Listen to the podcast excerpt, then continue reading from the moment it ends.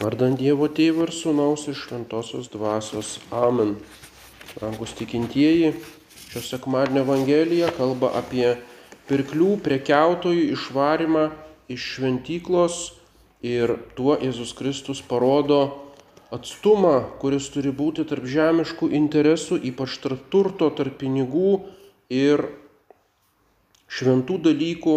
Mano maldai, namai turi būti maldos namai tarp maldos, tarp Dievo kulto, reiškia, tas gimtosios nuodėmės sužeidimas ypač pažeidžia mūsų santyki su daiktais, mūsų santyki su nuosavybė.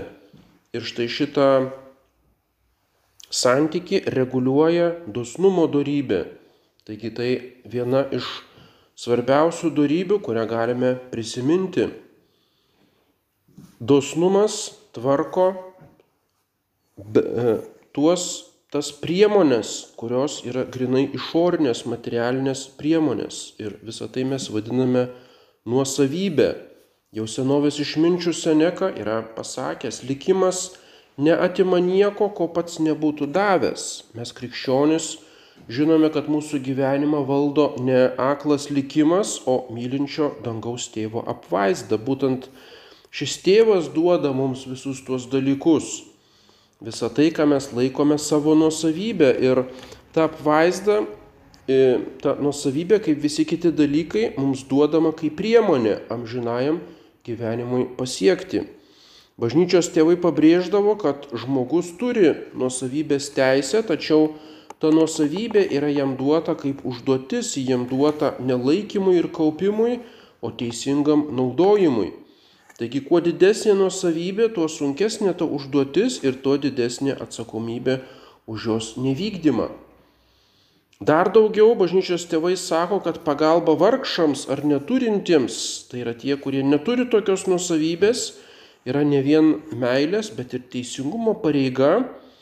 Šventas Augustinas rašo, jei turi perteklių, turi svetimą nuosavybę. Perteklius priklauso vargšams. Jei turi perteklių, rašo šventasis Grigalius didysis, o tavo artimas miršta badu, esi kaltas žmogžudystė.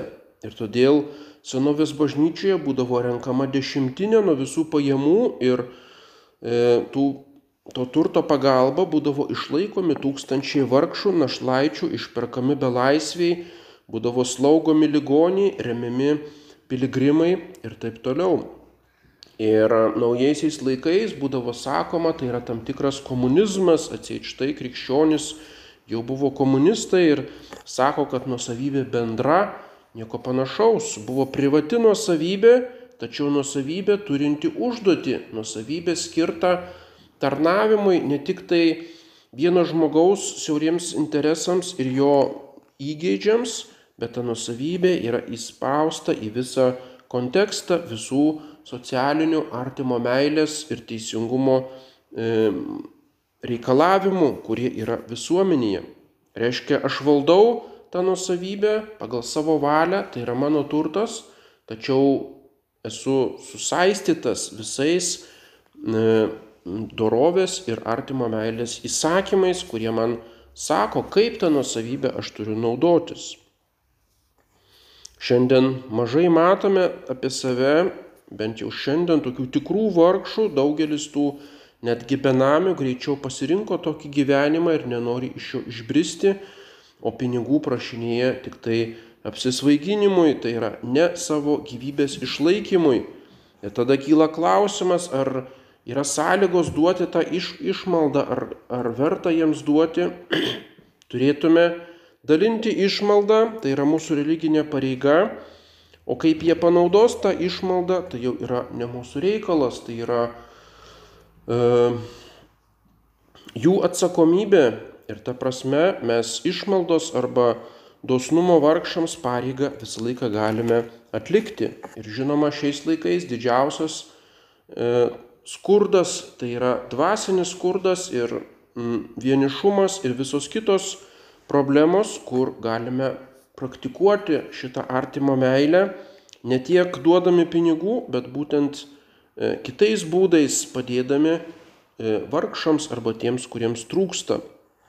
Daiktai yra būtini mūsų gyvenimui, nedidžiausi asketai negali gyventi be kažkokių tai rūbų, be, be pastogės, be įrankių maistui gauti ir apdirbti. Taigi, kaip skaitome, net atsiskyrėliai gyvendami tyruose būdavo priklausomi nuo išmaldos ir taip pat patys dirbdavo, jie turėdavo kažkokios žemės, o neturto įžadus davė vienuoliai, jie naudojasi bendra vienuolyno nuosavybė. Žmogus turi kūną ir nuo, šito, nuo šitos tikrovės jis negali pabėgti. Tačiau nuosavybės ar turto kiekis neturi jokios esminės reikšmės dorovinių požiūrių. Esmė yra santykis su daiktais. Taigi tasai visiškai atrodo nieko neturintis atsiskyrėlis galėjo nusidėti prieš neturto įžadus, jis galėjo būti šikštus. Žmogus gali turėti kelis rūbus ir skatikus ir būti prie jų netvarkingai prisirišęs. Jis gali pavydėti turtingiesiems, jis gali nepasidalinti tuo, ką turi su dar mažiau turinčiais. Ir atvirkščiai gali turėti didelius namus, bet būti dosnus, lengvai atsisakantis, be nusiminimo, priimantis praradimus ir kitiems duodantis. Taigi ne kas daug turi, o kas daug nori yra vargšas, kaip Vėlgi sako tas pats Seneka. Šventasis Grigalius rašo, Dievo karalystė kainuoja tiek, kiek turi. Zachiejų ji kainavo pusę nuosavybės, nes tą pusę jis paskyrė tam, kad keturgubai atsilygintų tiems, kuriuos nuskriaudė. Petrui ir Andriejui Dievo karalystė kainavo paliktus tinklus ir valtį. Našlė jinai kainavo du skatikus, o kitam ji kainavo taurę šalto vandens, kaip skaitome. Jeigu bent duosite e, kam nors taurę šalto vandens iš artimo meilės, pelnysite dangaus karalystę. Taigi kiekvienam jinai kainuoja tiek, kiek turi. Visiškai nepriklauso nuo absoliutaus dydžio nuosavybės santykis su ta nuosavybė. Vienas su ta nuosavybė gali pelnyti dangaus karalystę, o kitas su tais savo keliais katikais gali būti prie jų netvarkingai prisirišęs ir šikštus. Tam, kas negali išsiskirti su teisinga nusavybės dalimi, prisiriša prie jos, jis tam, ta nusavybė tampa jam viena iš didžiausių kliūčių išganimui. Kiekvienas iš šikštumo ar neteisingumo pasilaikytas centas, jis tampa tokiu stabu, tai yra tuo, prie ko prisirišama, prie kuo, kuo pasitikima priešingai Dievo valiai. Ir būtent tie vienuoliai graikiškai vadindavo tai filargyryje, Tai buvo kaip e, toks pavadinimas tai įdai, reiškia meilė sidabrui, meilė pinigams. Romėnai sakydavo ferro nocencijus auro, reiškia auksas labiau žudo negu geležis. Gerovė susaisto žmogų su pasauliu ir padaro jį kietą, padaro jį žiaurų e, kitiems žmonėms. Ir žmogus tada pajaučia, kad rado tame pasaulyje vietą, O iš tikrųjų pasaulis rado vietą žmoguje. Reiškia, atrodo žmogui, kad jis valdo tą turtą, bet iš tikrųjų turtas valdo jį. Ir būtent todėl šventieji aukštino neturtą ir net stengdavosi herojiškai atsisakyti viso, ką gali, nes bet kuris daiktas jau reiškia pagundą, yra konkurentas tikrajam lobiui, kuris yra danguje, bet kokia nusavybė gali tapti stabu netikėtai. Ir turto klausimui daug vietos skyrė viešpats Jėzus savo pamoksluose. Luko Evangelijoje skaitome, kaip vienas žmogus iš minios Jėzui tarė, mokytoj liep mano broliui, kad pasidalytų su manimi palikimą. Jėzus atsakė, žmogau, kasgi mane skyrė jūsų teisėjų ir dalytojų ir dar pridūjo, žiūrėkite, saugokitės bet kokio gaudumo, nes jei kas ir turi apšiai, jo gyvybė nepriklauso nuo turto. Jis pasakė palyginimą vieno turtingo žmogaus laukai davė gausų derlių. Ir jis ėmė svarstyti, ką čia man padaręs, neturiu kur sukrauti derliaus, reiškia pastatysiu klojimus, statysiu dar didesnius ir tada sakysiu savo sielai, turiu daug gerybių sukrauti ilgiems metams, ilsėkis, valgyk, gerk ir linksmai pokiliauk, o Dievas jam tarė kvaily, dar šią naktį bus pareikalauta tavo gyvybės. Kamgi atiteks, ką susikroviai? Taip yra tam, kas krauna turtus, bet nesirūpina tapti turtingas pas Dievą. Tai reiškia, tam žmogui iš minios Jėzus nesako, kad Galbūt tu turi legales teisės į tą pusę nuosavybės, tavo brolis nepasidalina palikimo, bet aš kaip Jėzus Kristus, kaip žmogus nesu tose reikaluose teisėjas ir dalytojas ir tai nėra mano intencija ir mano pašaukimas. Ir tu tai suprask, kad tai nėra tavo gyvenimo tikslas gauti pusę to palikimo. Žmogus dažnai ne tiek, kad gina patį turtą, kurį jau turi, bet be galo daug stengiasi ir darbuojasi sudaryti sąlygas tam turtui išlaikyti arba įgyti. Reiškia, tas turtas, net kurio neturi, jis tave sukausto, suriša ir atima daugybę laiko ir daugybę energijos. O ką tai reiškia? Kvaily dar šiąnakt bus pareikalauta tavo gyvybės. Kas iš to, ko tu taip rūpinėsi tais dalykais? Pats Jėzus ir jo mokiniai nepriklausė pačių neturtingiausiųjų sluoksniui. Mes žinome, kad mokinių būrys turėjo kasą, kurią prižiūrėjo Judas. Ir Jėzus ir apaštalams niekada netrūko apdaro ar maisto, jie priimdavo aukas, priimdavo svetingumą, svečiuodavosi pas žmonės ir niekur neskaitome, kad kurį laiką jie badaudavo ar kažkaip, e, reiškia, turėdavo didžiausių kokių nors problemų. Ir tuo viešpats Jėzus norėjo parodyti, kad tam tikra nuosavybė išgyvenimui pakankamos lėšos yra reikalingos. Jei žmogus te galvos, kaip šiandieną numirti iš bado, kaip nesušalti žiemą, jis bus kurčias Evangelijai, jam nerūpės tie tikėjimo dalykai, jis bus pasirengęs nusikalsti. Taigi visiškas neturtas išganingas tik tam tikro tobulumo siekiantiems, kurie iš to sugeba gauti dvasinės naudos, o kitiems Tai gali tapti toks suklupimo akmeniu, gali būti net didelė kliūtimi. Visiems kitiems bažnyčia jau nuo paštalų laikų ragino dirbti, turėti kuklų pragyvenimo šaltinį, vargšams išlaikyti organizuodavo šelpimo darbą, kad būtent tas skurdas jiems netrukdytų melstis, netrukdytų ateiti į bažnyčią. Tačiau vargšams ir turtingiesiems galioja Jėzaus pamokymai apie visišką pasitikėjimą apvaizdą Per daug nesirūpinkite gyvybę, ką valgysite, ne savo kūnų, ką vilkėsite. Sako, per daug nesirūpinkite, reiškia, šiek tiek rūpinkitės vis dėlto. Gyvybė svarbesnė už maistą, o kūnas už drabužį. Įsižiūrėkite, kaip auga lilijos, jos neverpia ir neaudžia, bet sakau jums, nesaliamonas pačioje savo didybėje nebuvo taip pasipuošęs kaip kiekviena iš jų. Jeigu Dievas taip aprengė laukų gėlę, tai dar labiau pasirūpins jumis mažatikiai. Ir tiems, kurie nori visiškai pasišvesti Dievo karalystės ieškojimui, jis duoda patarimą. Tai yra evangelinis patarimas, o ne įsakymas. Išparduokite savo turtą, išdalykite jį išmaldais, įsitaisykite savo piniginių, kurios nesusidėvi, kraukite nenykstantį lobį danguje, kur joks vagis neprieis ir kandis nesuės. Kur jūsų lobis, ten ir jūsų širdis. O širdis tai yra meilė, tai yra visos intencijos, tai mūsų mintis.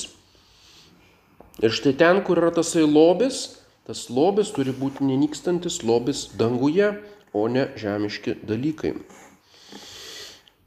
Kartais neturto išbandymą siunčia pats Dievas ir laimingas tasai, kuris susigaudo, kuris supranta tą Dievo valią, ją priima kaip malonę. Šventoji Teresė Vilietė gavo dosnį išmaldą iš vieno turtingo pirklio, kurį jam tą ir tarė jam, jūsų vardas bus įrašytas į gyvenimo knygą, o to ženklas bus žemiškų turtų praradimas. Ir pirklys bankrutavo, jis liko neturtingas lygi mirties. Ir e, iš pradžių, aišku, jis buvo sukrestas, reiškia, jis galvojo, jeigu aš būsiu dosnus, duosiu vargšams ir vienuoliams, tai ir Dievas man tada duos ir aš tapsiu gal dar turtingesnis, o atvirkščiai jisai bankrutavo, reiškia, Teresė jam išpranašavo, kad e, jis pašauktas aukštesniam e, tobulumui ir mes nežinom, ar tas priklys tai suprato, ar jis pasinaudojo šito išbandymu. Taip pat mes žinome penktą bažnyčios įsakymą padėk išlaikyti savo bažnyčią. Tai yra santykis tarp turto, kurį turime, ir grinai religinių pareigų arba bažnyčios išlaikymui. Tai nėra šiaip pageidavimas ar patarimas laisvai aukai, bet tai yra įsakymas, nes Visa bažnyčios veikla laikosi iš tikinčiųjų aukų, ne tik bažnyčių statyba, kunigų pragyvenimas, bet taip pat seminarijų išlaikymas, religinė žiniasklaida, knygų leidimas, kuri šiais laikais visiškai negali savaime išsilaikyti, negali būti komercinė, taip pat visas misijų darbas, karitatyvinė veikla ir visa kita. Tai ką daro bažnyčia, jinai perskirsto. Žinoma, visur matom tuos skandalingus atvejus, kada bažnyčios atstovai tik vartoja, reiškia jie perka brangias mašinas arba gyvena prabangų gyvenimą ir taip toliau, bet tai labiau išimtis. Tikrai tie, jeigu bendrai pasižiūrėjus, tie kunigai ir viskupai tiek daug nepravalgo ir tiek daug nesuvartoja, e, kiek yra paukojama didžiulė dalis ir didžioji E, tų visų aukų dalis nueina bendram gėriui, bažnyčios, pastatų puošimui, e, karitatyviniai veiklai, seminarijoms ir visai tai didžiuliai veiklai, kurią bažnyčia daro.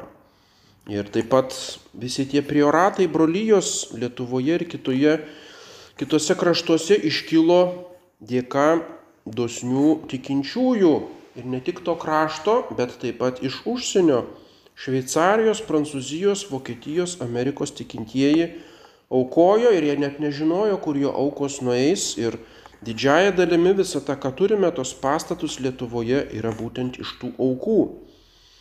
Tos aukos dažnai yra vienetinės, jos padeda atsistoti ant kojų, o toliau tikimasi, kad tas darbas vyks vietos tikinčiųjų dėka. Ir tokioje pačioje pokomunistinėje Čekijoje arba Lenkijoje jau dabar yra reiškia tikinč, vieti, vietos tikintieji pilnai išlaiko savo koplyčių darbą, net finansuoja jų tolesnę statybą arba remontą. Visiškai padengiamas Lenkijoje yra koplyčių kunigų mokyklos veikla, leidybinis darbas. Ir būtent tokia yra prasme to, ką, ką mes aukojame bažnyčiai, tai yra mišių stipendijos, aukų rinkimas per atnašavimą mišiose, įvairios rinkliavos, būtent bažnyčia priklauso nuo tų e, tikinčiųjų dosnumo. Ir dėl rinkliavos mišiose, kai kas galvoja, argi čia laikas pačiame mišių viduryje, švenčiausios apėgos ir dabar turim raustis piniginėse, skamčioti pinigais, ar tai yra e, reikalinga, galėtume po mišių tai padaryti. Bet būtent tai yra mūsų konkretus prisidėjimas prie atnašos, kuri ant altoriaus virs viešpatės kūnų ir krauju. Reiškia, mes ne tik tai dvasiškai, bet ir dalelę savo nusavybės paukojimu jungiamės su ta atperkančiaja auka. Ji yra ne kažkokio prioratorijo kunigų, bet visų mūsų auka. Tai yra centras mūsų kaip bažnyčios, kaip tos bažnytinės bendruomenės gyvenime. Taip pat visų mūsų auka už mūsų nuodėmės prašant mums reikalingų malonių. Reiškia, per tą kolektą mišiose mes taip pat e, išreiškime labai materialiai ir simboliškai savo atgailos dvasę, savo apsimarinimo dvasę ir e, tai, kad norime iš tikrųjų gauti malonių iš šitų šventųjų mišių. Taigi šventos mišios ir visa bažnyčia yra kiekvieno iš mūsų darbas ir mūsų bendros pastangos pažinti ir išlaikyti tikėjimą, suteikti Dievui deramą kultą, taip pat išgelbėti savo sielas ir nuosavybė mums duota kaip viena iš tokių materialių priemonių šitam įgyvendinti. Taigi atrodo paprastas ir žemiškas dalykas, bet nuo santykio su juo, nuo santykio su savo nuosavybė daug priklauso taip pat mūsų išganimas. Ar mes pasinaudosime tuo, talentų pažodinė prasme reiškia, kuris mums duotas, ar jisai mums kaip tik taps pagunda arba trukdys mūsų išganimui. Amen. Vardant Dievo Tėvų ir Sūnaus iš Šventosios Dvasios. Amen.